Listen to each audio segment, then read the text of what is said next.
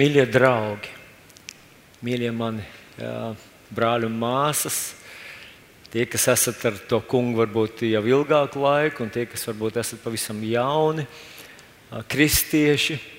Varbūt mūsu vidū ir kāds, kas vēl nevar sevi pieskaitīt kristiešiem, tādiem Kristus mācekļiem, bet tu esi šajā rītā šeit. Lūdzu, jūties šeit mīļi, laipni gaidīts mūsu Dieva sirds sniedzās tev pretī, un mēs arī no visas sirds tam vēlam pašlabāko, mīlam tevi, lūdzām par tevi, un tic, ka Dievs arī grib uzrunāt tevi. Bet uh, vēlreiz, brāļi, māsas, mēs visi varam teikt, ka esam Dieva bērni. Un ka Dievs mūs visus mīl. Viņš ir mūsu pusē. Mēs lasām Bībelīti, un, un uh, droši vien, kad 46. psalms, kā Kitī jau pieminēja, tas viss mūs uzrunā. Un mums šķiet, jā, Dievs, varenais, lielais palīgs, bēdu laikā, Viņš ir patvērums, Viņš ir mana klins. Un pat ja kalni pašā jūras vidū nogrimtu, tas kungs cēbots ir pie manis. Un viņš man pasargās, viņš izvedīs man cauri. Nu, Tā tiešām ir uzrakstīts tur. Tā tiešām Bībelē ir uzrakstīts. Un, uh, kas skar dievu pusi, viņš tiešām uh, tāds ir. Ja, viņš ir uzticams, viņš ir nemainīgs. Un tomēr iespējams, ka jau ilgāku laiku esot kristietim vai esot nu, dievu bērnam, varbūt arī pašam savā pieredzē, pat kādreiz tev ir uh, bijuši tādi gadījumi, kad tā kā tu uzdod sev jautājumu, ja, nu kā, kas tad bija tur. Jo pēc tādas izglābšanas, palīdzēšanas, pēc uzvaras tas nemaz neizskatījās. Un šorīt es gribu uzrunāt, ka uh, nu, varbūt man labāk sanāktu, ja es to ilustrētu ar kādu līdzību. Un es teiktu, ka mūsu cilvēku dzīve ir tā kā, tā kā tāda makšķerēšana. Mēs visi stāvam upes vai ezera krastā. Visiem ir kaut kādas tās ierīces, kuras mēs gribam lietot. Un, uh, Nebūt nenozīmē, ka tas, kuram ir labākā makšķere un varbūt garākā, garākā uh, un labākais aprīkojums, viss, tas būs lielāko lomu iegūs. Un, uh, tur ir kaut kādi, kaut kādi principi, varbūt, kas jāzina. Un, uh, Tas varbūt tāds nenopietni ilustrācija, bet es tomēr viņu izstāstīšu. Nu, kāds vīrs bija tā noguris nedēļas laikā, strādājot savā oficiālā no rīta līdz vakaram, ka viņš izlēma, ka viņš ies sestdienas rītā mazliet nu, atpūtīsies, relaksēsies, viņš ies makšķerēt. Un sagadījās, ka tāds ļoti dzestrs rudens rīts, bet viņš tomēr devās uz upi, nostājās upes krastā un sāka to savu makšķerēšanas lietu nu, kas kā, kam vajadzētu nodrošināt atpūtu, un relaksāciju un mieru. Nu, viņš visu to rītu cēlienu nomakšķerēja, nosauca ļoti. Un vēl vairāk viņa saldēja tas, ka viņš nenomakšķerēja neko. Kā lūdzu? Ne, neizvilka neko. Jā, tā ir pareizāk. Nu, tā tad. Uh, Un viņš jau sāk krāpēt jau visu atpakaļ savā kastēs un domāt, jāiet mājās, tad nav jēgas, globālā sasilšana, zivs aiz, aizmukušas kaut kur. Un viņš uzmet acis, un turpat netālu no viņa pie tās pašas upītes sēž neliels auguma puisītis. Un, un viņš tā uzmanīgi sāk vērot un skatās. Izskatās, ka viņa ķeselē diezgan daudz zivju. Un kamēr tas vīrs vēro to puisi, skatās, hopsas atkal piecērt un izvelk, un tādu pamatīgu makanu izvelk ārā un, un ieglabā tai savā nu, somā. Un tam vīram radās milzīgs jautājums. Es te makšķerēju visu rītu, un nekas, un, un paskatās, puikas atķērs pilnu.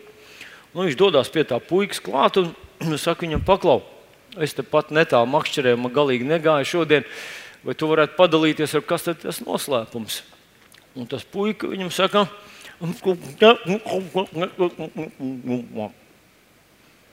Un tas vīrs, vai tu nevarētu lūdzu atkārtot vēlreiz, jo nu, es, es laikam palaidu garām, ko, ko tu man gribēji teikt. Un puika viņam saka, Tas vīrs saka, Pats, laikam, ar mani viss galīgi slikti ir. Neko nesaprotu, ko tas puisis man saka. Un viņš saka, zini, ko, nu, es atvainojos, es neko nesaprotu. Tomēr. Un tas puisis kaut ko iespļauj saujā un saka, tā ārpus vajag siltumā turēt. Es nezinu, vai tiešām tas kaut ko līdz. Jā. Es zinu, ka te ir mūsu vidū pieredzējuši makšķernieki, kas droši vien vai nu apstiprinās, vai to nolieks.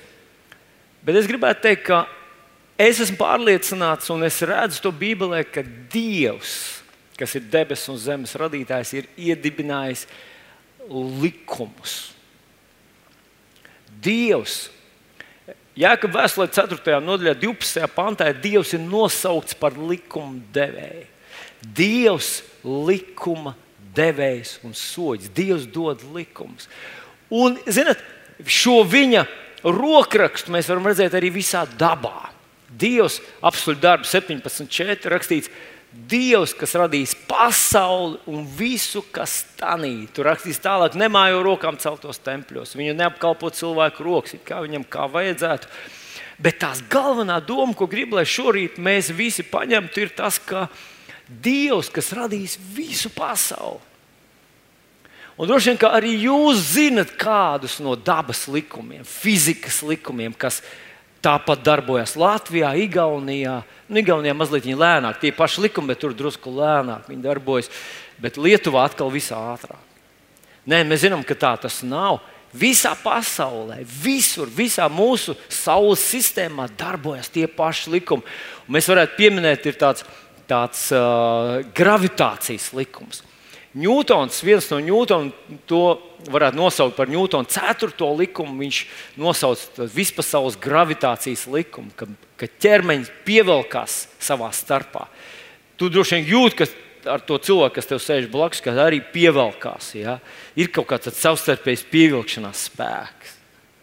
Nu, tas varbūt mazliet e, tāds nenopietni, jo mēs to neizjūtam. Protams, Mēs tikai izjūtam, ka ģimene ik pa laikam tāds spēks mūs savēl kopā. Dievs mūs grib savilkt kopā arī.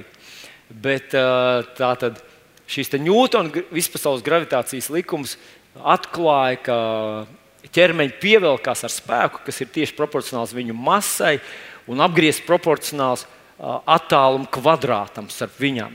Nu, ir vēl tādas sarežģītākas versijas šai formulē, bet tātad šis likums darbojas visā pasaulē. Viņš darbojas uz mēnesi, viņš darbojas uz citām planētām un tā tālāk. Dievs to ir iedibinājis.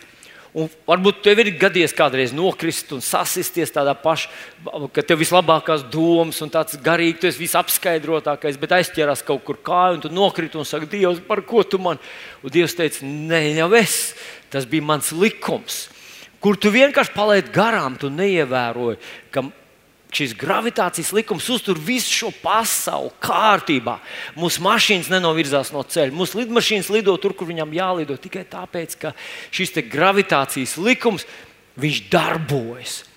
Tātad Dievs iedibināja likumus, kurus izmanto mūsu kosmosa, nu, zinātne, vis, visādas zinātnes.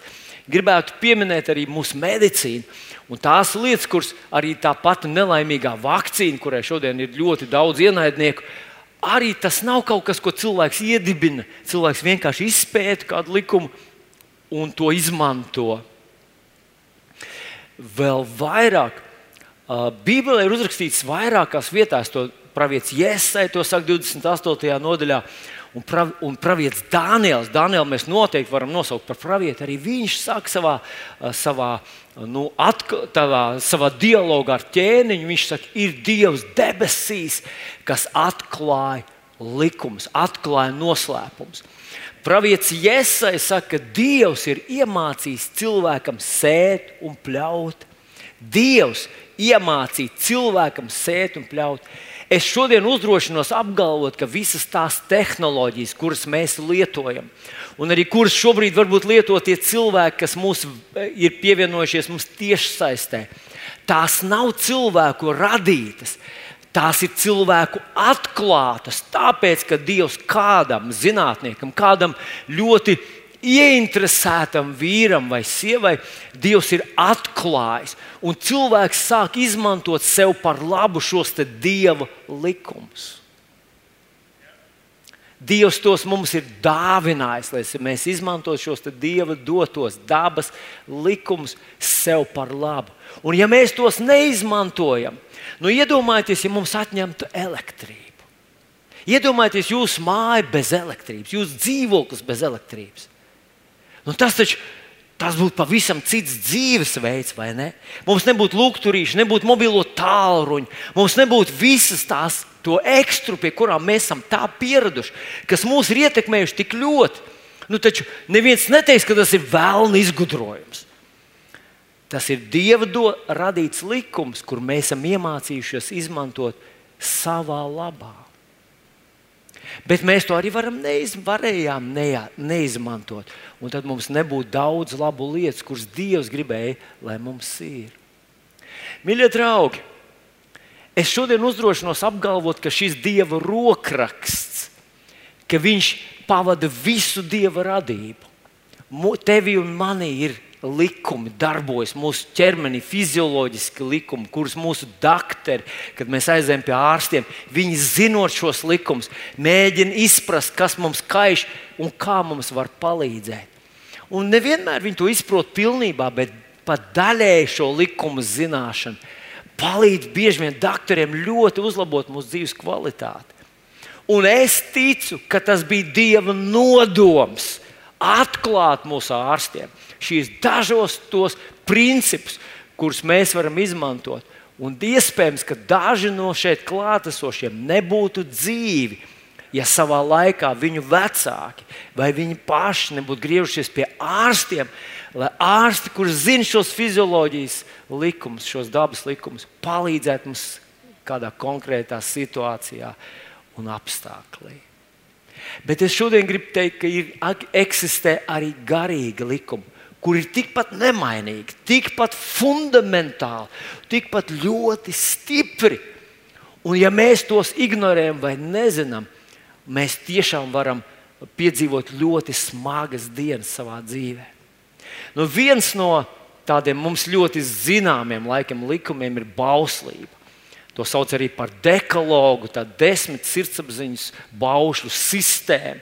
Bet īstenībā mūsu grāmatā ir vairāk par 300 dažni dažādu likumu, kas mēs varētu nosaukt par diētas likumiem, ko drīkstēs, ko nedrīkstēs, kā atšķirt šķīstu no nešķīstā.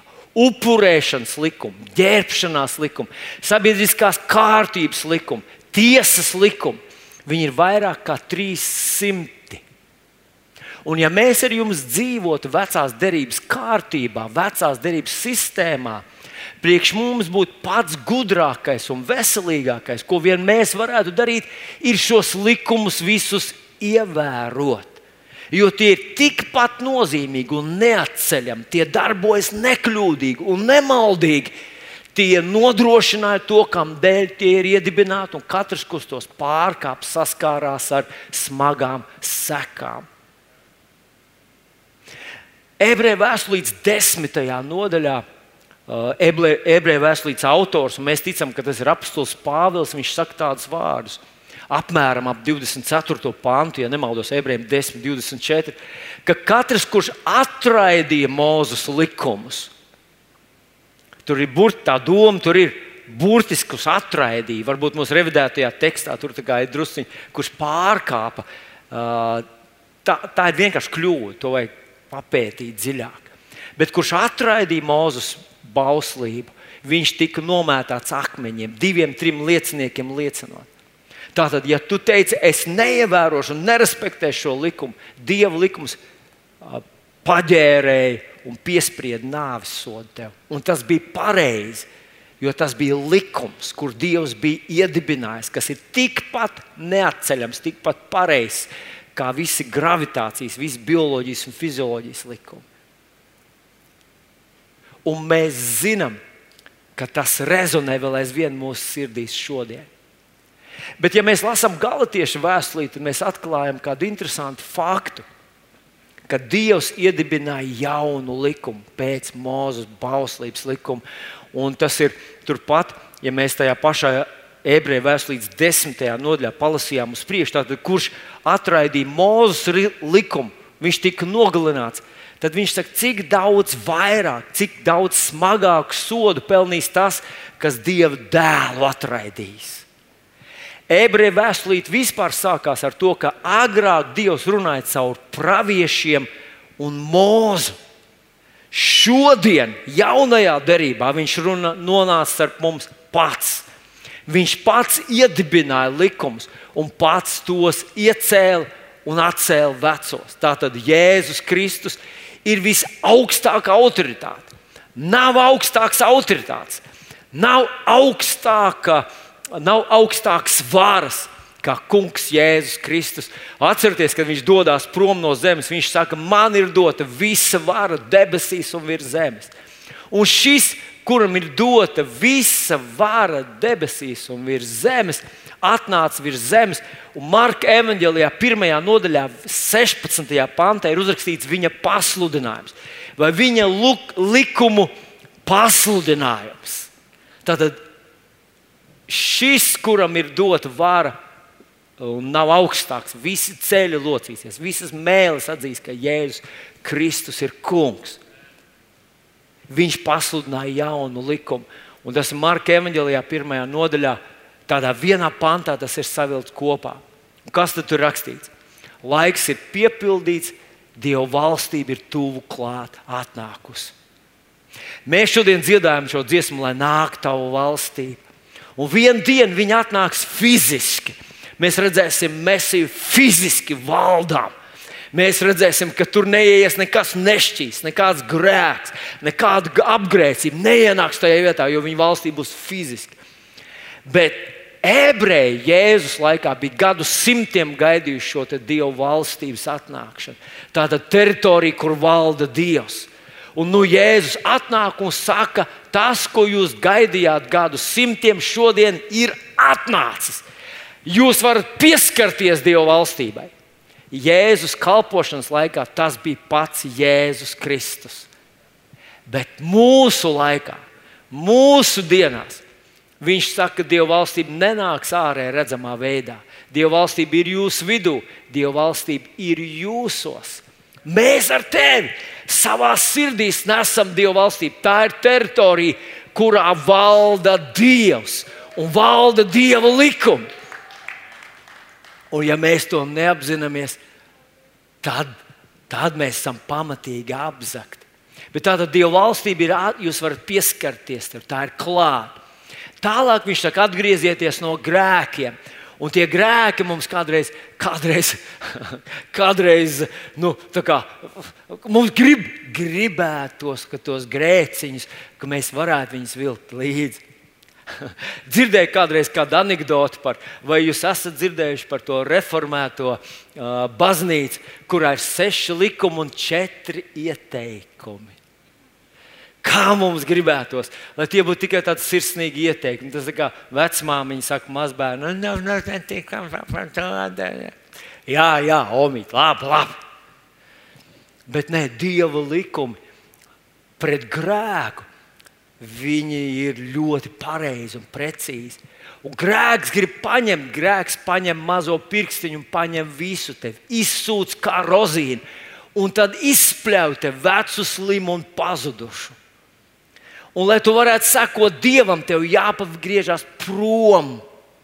Tev jāpagriež savu uzmanību prom, jo grēks paņem tavu uzmanību, saindē tavu gribu, atraisa, atmodina visas tās apetītes, kuras, par kurām agrāk tu pat nenojauti, ka tās tevī ir. Grēks to dara ar mums. Un Jēzus saka, lai jūs varētu sekot man, Jums jāpagriež muguru grēkam. Pēkšņi norimst un noklust visas tās apetītes, tās nenormālās kārības un atkarības, kuras grēks tevī pamodināja. Tās norimst un pazūd un aiziet 3, 4 un 5 plānā, ja tu pievērsies Kristum. Bet gribu īpašu uzmanību jūs vērst uz šo teikumu otro daļu. Ticiet evaņģēliem. Ticiet, tā ir darbības vārds, tā ir pavēle ticēt evaņģēliem. Nevis gaidīt, nevis sēdēt, nevis paciesties, nevis vienkārši izturēties tā, it kā viss nokārtosies, beigās viss būs labi. Nē, nē, Jēzus mums dod aktīvu pavēli priekšdarītājiem. Redziet, Dievs mūs radīs cilvēks, lai mēs izlemjam, saprotam, izlemjam un darām. Un Jēzus pavēle mums ir ticēt evaņģēlim. Evangelijas nav vienkārši stāstījums, ka beigās pēc nāves būs labāk. Evangelijas ir Dieva rakstītais vārds. Tici Dieva vārdam, tici Viņa apsolījumiem, uzticies Viņa apsolījumiem. Tas ir tas, ko Jēzus mums saka. Īstenībā mūsu, mūsu dzīvi vajadzētu raksturot šai ticības darbībai. Nevis ticības nogaidīšanai, nevis ticības cerībām, nevis ticības kaut kādai tādai filozofijai, bet ticības darbībai. Es ticu, es paļaujos uz to, kungu. Es izvēlos, es apliecinu, es domāju par to. Tā ir mana pārliecība. Es uzticos Dievam. Tam vajadzētu mūs raksturot. Nu, iedomāsimies, atkal es gribu kaut kādu nelielu tādu ilustrāciju. Iedomāsimies par cilvēku, kurš gatavojas nākošajām Olimpiskajām spēlēm. Ja es pareizi atceros, runāju, ka tas būs Parīzē vai Pareizi? Parīzē nākamās. Nu, iedomājieties, ka tu gribi piedalīties nākamās Olimpiskās spēlēs, tev ir tāds piedāvājums, un tev ir piedāvājums, ko, ko tur darīt. Un tu domā, es visu daru slikti, izņemot, es māku peldēt. Un, un tu iemeties ūdeni, un tu, un tu peldi. Nu, tā ļoti efektīvi un ātri. Un tad tev saka, pēc četriem gadiem Parīzē būs Olimpiskās spēles. Lūdzu, sagatavojies. Ko tu darītu? Tu pat naktī droši vien gul, gultā gulētu, gatavotos, jo tu saproti, ka vienā dienā tu, tev būs jāielec tajā ūdenī, viss pasaules priekšā. Tu gatavotos tam. Es gribētu teikt, ka tas ir tas, ko Jēzus tev saka tici manam vārdam. Tici manam vārdam. Es zinu, ka es mēdzu atkārtot vienu to pašu vairākas reizes. Tas ir grūti klausīties. Bet tas ir kaut kas, ko tu dari. Tu dari. Tu dari. Ko tu dari, vai ne? Ko tu dari? Abrahams mums ir lielisks piemērs. Bībeli viņu nosauc par mūsu ticības tēvu. Un Romiešiem 4. nodaļā uzrakstīts, ka Dieva apsolījumu viņš neuzņēma ar šaubām un neusticību. Bet Dievam godu dodams, kļūst stiprs ticībā, pilnīgi pārliecināts, ka Dievs to, ko apsolījis, arī spēja piepildīt. Ko mēs par viņu faktiski tur lasām? Viņš visu laiku uzņēma dieva apsolījumus. Viņš uzņēma dieva apsolījumus, un viņš deva dievam godu. Tad viņš pateicās par šiem apsolījumiem. Dievs viņam bija solījis, nu, mēs varētu teikt, trīs lietas faktiski. Uh, tu kļūsi par lielu tautu, darīšu lielu tavu vārdu, tu būsi par svētību un došu zemi. 40 gadus vēlāk viņam nepieder ne, ne kvadrātmetrs. Bet viņš visu laiku dzīvo tajā. Tu man teici, tu man darīsi par lielu tautu. Viņam ir viens vienīgs dēliņš. Un viņš saka, Dievs, tu esi man darījis par lielu tautu. Viņš sev sauc par daudzu tautu tēvu. Un viņš staigā pa zemi, kas pieder citiem, bet Bībeli saka, viņš pieņem dieva apsolījumus. Tas ir tas, kas raksturo ticības cilvēku. Viņš dzīvo apsolījumā, viņš redz apsolījumu, viņš domā par apsolījumu, viņš pateicās par apsolījumu, viņš redz savu ikdienu caur šo apsolījumu. Man bija jādomā par ebrejiem 11.6. Un es mērķiecīgi atstāju jūsu uzmanību tikai pirmo šī panta pusteikumu. Bet bez ticības nevar patikt Dievam. Bet bez ticības nevar Dievam patikt. Bez ticības nevar Dievam patikt. Un es sāku domāt, cik ir tās dienas, kad es faktiski nelietoju savu ticību, nedarbinu. Tu nevari Dievam patikt bez ticības. Tas nozīmē faktiski, ka Dievam patīk, kad mēs sākam paņemt viņa apsolījumus un ticēt tam, ka mēs sākam, ko Jēzus teica, kā viņš sacīja, ko viņš izdarīja priekš manis, kad es to paņemu šos pantus, un es paņemu to savā sirdī un domāju par viņiem, un es runāju, un es sāku ietekmēt apkārtējos. Es ticu, es. Zinu, tas bija tas neliels pārtums, kad laiciņā atpakaļ ar manu dzīves draugu Līgiņu Viņi man kaut ko saka, un man liekas, hei, hei, hei, hei, es neko neatbildu, jo man liekas, tā nav ticība. Līgiņ, ko tu saki? Un viņi man vēlreiz kaut ko saka, un, un es neatbildu, viņas, un viņi man apstājas, viņas vilni. Vai tad tu nevari man pateikt? Līgiņ, mēs tiksim cauri. Dievs mums palīdz, Viņš ir mūsu pusē. Es tā gribēju dzirdēt, lai tu izrunā šo ticības vārdus. Pasaki viņus! O, es domāju, mīļo sieviņu, vai tad, vai tad tu nezini, tas tāpat kā ar to. Eh, nu, ja, ja, es jau sievai pateicu pie altāra, ka es viņu mīlu. Ja kaut kas mainīsies, viņai pateikšu. Tas ir, ir lietas, kuras ir jāpasaka atkal. Atkal jāpasaka, atkal jāpasaka. Kad ienaidnieks tev saka, tu atkal pasaki, tu redzi savu nākotni, redzi savu dzīvi. Jo bez ticības bez ticības tas nedarbojas. Tas ir tā tāds likums, tas ir kā gravitācijas likums. Ja nav ticības, nav apsolījumu. Efeziešu vēstule 2,8. Efeziešu vēstulīte 2,8. apelsīns Pāvils tur saka, tāds, tas ir, tā, tā ir Kristus axioma, kur uzrakstīti vārdi kas ir jāzina tev naktas vidū, uzceļoties no, no, no, no miega. Un viņš saka, tā, jo žēlastībā jūs esat pestīti, un tad ir visos tulkojumos, visos Bībeles tulkojumos, izņemot mūsu revidēto tekstu, pat mūsu jaunajā tekstā ir iekšā tas, bet revidētajā nav. Tur rakstīts, jo žēlastībā jūs esat pestīti ticībā.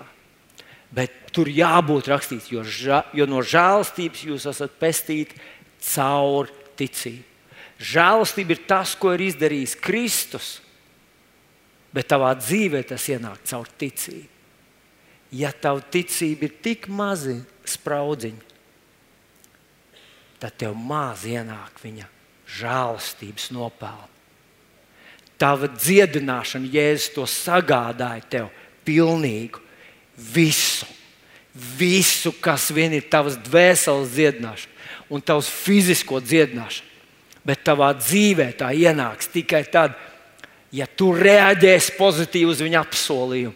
Un kā Abrahams, tu uzņemsi to ne ar šaubām un neusticību, bet Dievam godu dodams, kļuvis stiprs ticībā. Šis viņa žēlastības glābšana ienāks tavā dzīvē. Tavās finansēs tu esi izglābts. Tu vairs neesi zem lāsta. Tu neesi nolādēts, lai dzīvot no rokas mutē, pus izsalkumā, nespējīgs piedalīties kādā labā darbā. Jēzus to izdarīja. Bet ienāks tas tavā dzīvē tikai tad, kad tu ar savu ticību pievienosies šai žēlastības glābšanai.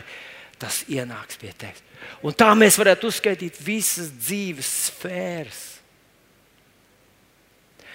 Un es uzdrošināšos jūs izaicināt ar pēdējo pantu no 2. korintiešu vēstules 13. nodaļa, 5. pantu, kur apelsīns Pāvils atbild vēstulē korintiešiem. Tā situācija tur ir tāda neviennozīmīga, nav vienkārša. Korintieši izvirzīti kā visādas prasības pret Pāvilu. Viņi pacēla tik milzīgi augstu standarts, un viņi teica, ka viņa vēstules ir stipras, bet, kad viņš atnāk, tad nekā īpaša tajā nav. Mazs vīriņš, neko sevišķi viņš dzīvē nav izdarījis, neko sevišķi nav piedzīvojis. Viņš pat jēzu nav vaigā redzējis kā citi apstuļi. Citiem vārdiem, viņi tā kā izvirzīja tādas prasības pret viņu. Un Pāvils tur punktu pa punktam atspēko šīs viņa prasības, līdz viņš nonāk līdz šim piektajam pantam, 13. nodaļā, kur viņš saka tā: Pārbaudiet paši sevi. Kas mums ar tevi ir jādara? Mums nav jāanalizē citi. Un mēs bieži vien esam meistari izvirzīt milzīgi augstas prasības pret citiem, kā viņi strādā, kā viņi runā, kā viņi ģērbjas, kā viņi tic, kādiem viņiem jābūt, kādiem viņiem jāizskatās. Tie citi, Viņiem jābūt perfektiem. Bet Pāvils saka, jums sevi ir jāpārbauda. Un tad viņš saka, vai jūs stāvat ticībā? Izmeklēt pašu sevi. Vai tu izmeklē pašu sevi, vai tu stāvi ticībā, vai tu stāvi Dieva apsolījumos, tu par sevi, par savu misiju šajā pasaulē. Vai tu stāvi pie tā dīķa ar, ar, ar, ar, ar uh, savu makšķeri, bet tur nekā nebūs, ja tu nelieto savu ticību. Bez ticības nevar.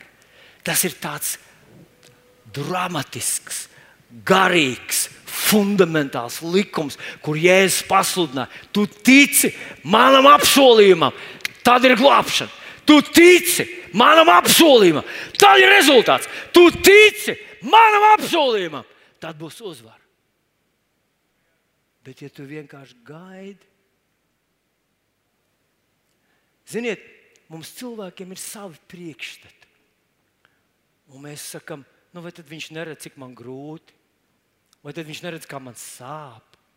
Vai viņš neredz, kādas man asaras, vai viņš neredz, cik es noziedoju, vai viņš neredz, kā es palīdzēju šim tam, vai kā es slieku pacēlu no zemes un, un pārnes pāri ceļam. Vai viņš neredz manus labos darbus? Dievs redz tavus labos darbus. Bet tad jāatgriežas pie Efeziešiem 2,8, kur viņš saka, ka ne no darbiem, turpinājās 9. pants, ne no darbiem ne no darbiem. Tā bija vecā sistēma, kur tu saņēmi pēc darbiem, ne no darbiem, lai neviens nelielās Dieva priekšā. Viņš to izdarīja. Dievs mūs mīl ne tāpēc, ka esam mīļi, bet tāpēc, ka Viņš ir mīlestība.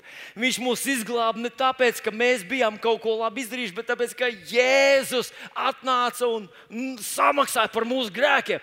Viņš mūs padarīja par saviem bērniem ne tāpēc, ka mēs lasām Bībelīti un esam ļoti mīļi un, un, un kaut ko labi izdarām, bet tāpēc, ka Jēzus, Jēzus, Jēzus, Jēzus un Jēzus. Un kad mēs ticam Jēzum, kad mēs ņemam viņa apsolījumus, pat ja mums tie liekas lieli un milzīgi kā mājas, ja mēs to pieņemam, Dievam tas patīk un tas darbojas. Citādi apelsīns vēl aizvien Pāvils raksta korintiešiem 2. nodaļā, 13. pantā. Jūs esat nederīgi. Pagaidiet, tie ir korintieši. Tie taču ir korintas draugi, Pāvils. Tie taču ir tie, kas apliecina Jēzu par savu kungu. Jā, es zinu, kam es rakstu šo vēstuli. Ja viņi nestāv ticībā, es gribu apgalvot, ka kad Bībelē ir vairāk likumu, kur mums brīžiem pazūd no uzmanības, un ar vienu roku darot Dieva darbus, kā Dieva bērni, ar otru roku mēs pārkāpjam šos viņa likumus, un tie darbojas pret mums. Un vai es varu kādu piemēru dot? Un viens ir izrunāto vārdu likums. Cilvēks ēd to, ko ir runājis. Vēl kāds likums ir žēlastības likums. Un tas žēlastības likums ir, ja tu parādi žēlastību, tev tiek parādīta žēlastība. Bet, ja tu esi ļoti strikts un prasīgs pret citiem, paradoxāli tu to pašu dabūni atpakaļ. Pieņemsim, es esmu uzņēmējs, un es atnāku pie saviem darbiniekiem, un es tur viņam tur. Un tad es aizēju biznesā, un tur pret maniem. Un es domāju, pats, Laikam jāmet miers biznesam, šitā jau nav biznesošana. Ja, ja pret tevi viss tur, kur tik kāds soda procents, viss tur pēc pilnas programmas, un te es aizēju pie saviem darbiniekiem, un es to pašu. Tās ir žēlstības likums. Ir vēl vairāk likumu, ir kādi likumi, kurus es nezinu, jā, ko sēž to pļaus. Bet viens no tādiem likumiem ir šis ticības likums, kuru Jēzus iedibināja. Tu netici, tu nelieto savu ticību, tev nav apsolījumu. Visdrīzāk rezultāta nebūs. Bet viņš tā gribētu, lai ir. Un tagad, mīļie draugi, padomājiet līdzi ar maniem.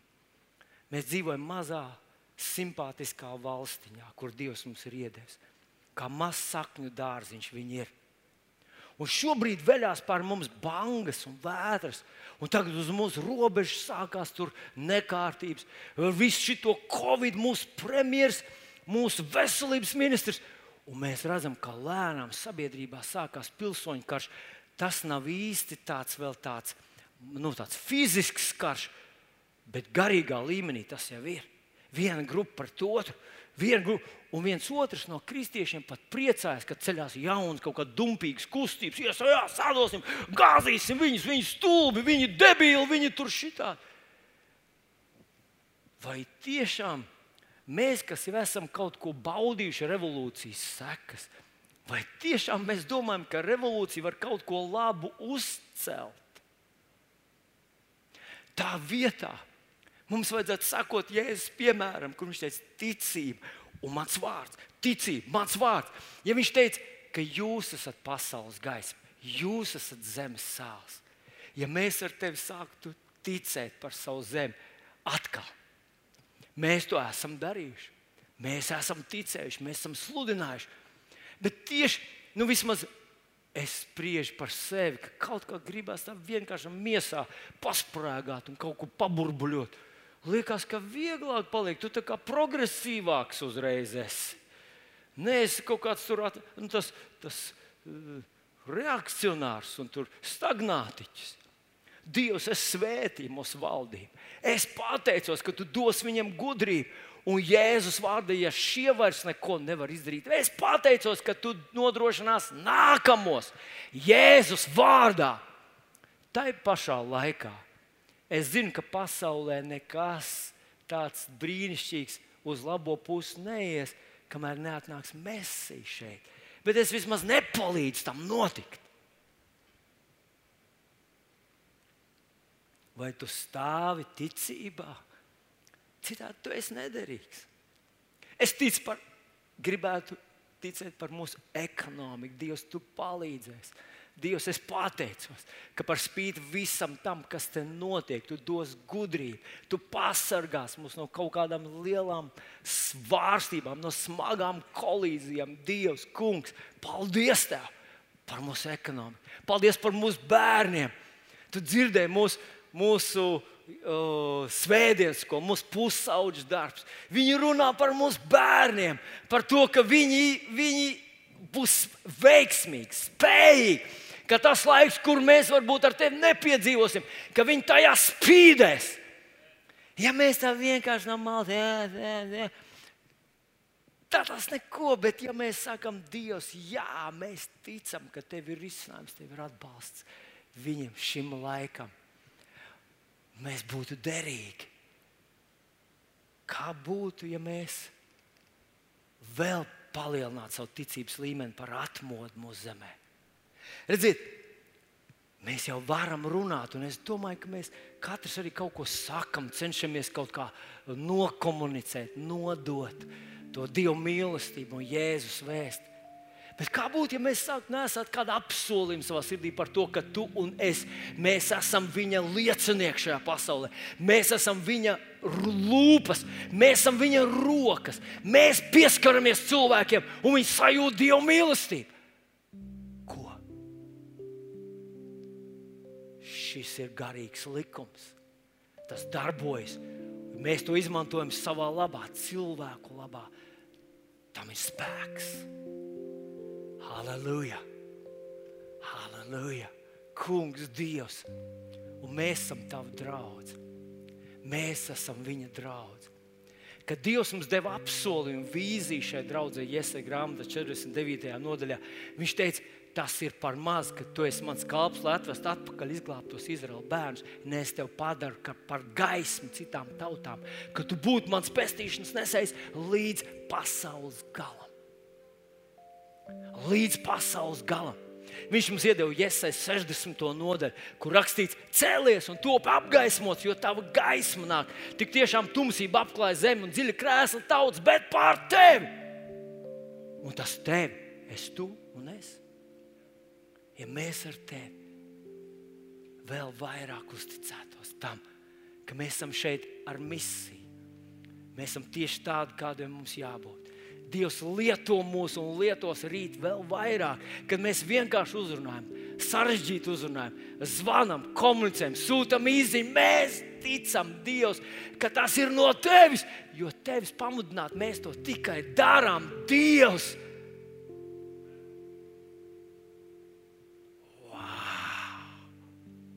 Mēs fiziski varbūt neko nejust, bet garīgās lietās šie likumi sāk darboties. Un viņi darbojas. Kungs, Dievs, mana zeme, mana tauta. Un es esmu šeit. Es esmu šeit.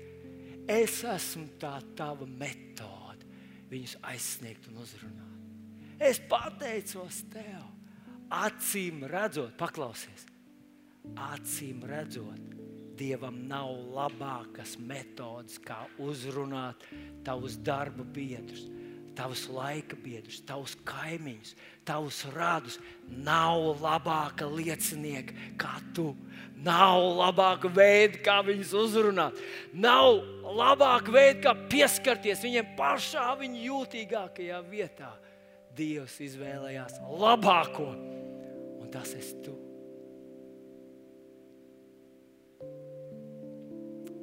Paldies, Tev, Kungs, ka Tu izvēlējies mani. Paldies, Tev, ka Tu noliki mani. Tu to saki. Paldies, Tev, ka Tu sūtīji mani. Paldies, Tev, ka es varu pasludināt Tavus vārdus. Paldies, Tev, ka Tu lieto mani. Wow! Wow! Wow! Wow! Šai rītā, mīļais, mans brālīt un māsiņa. Es ar tādu gana atbildību un rūpi gribu teikt, ka tie cilvēki gaida uz mūsu mīlestību.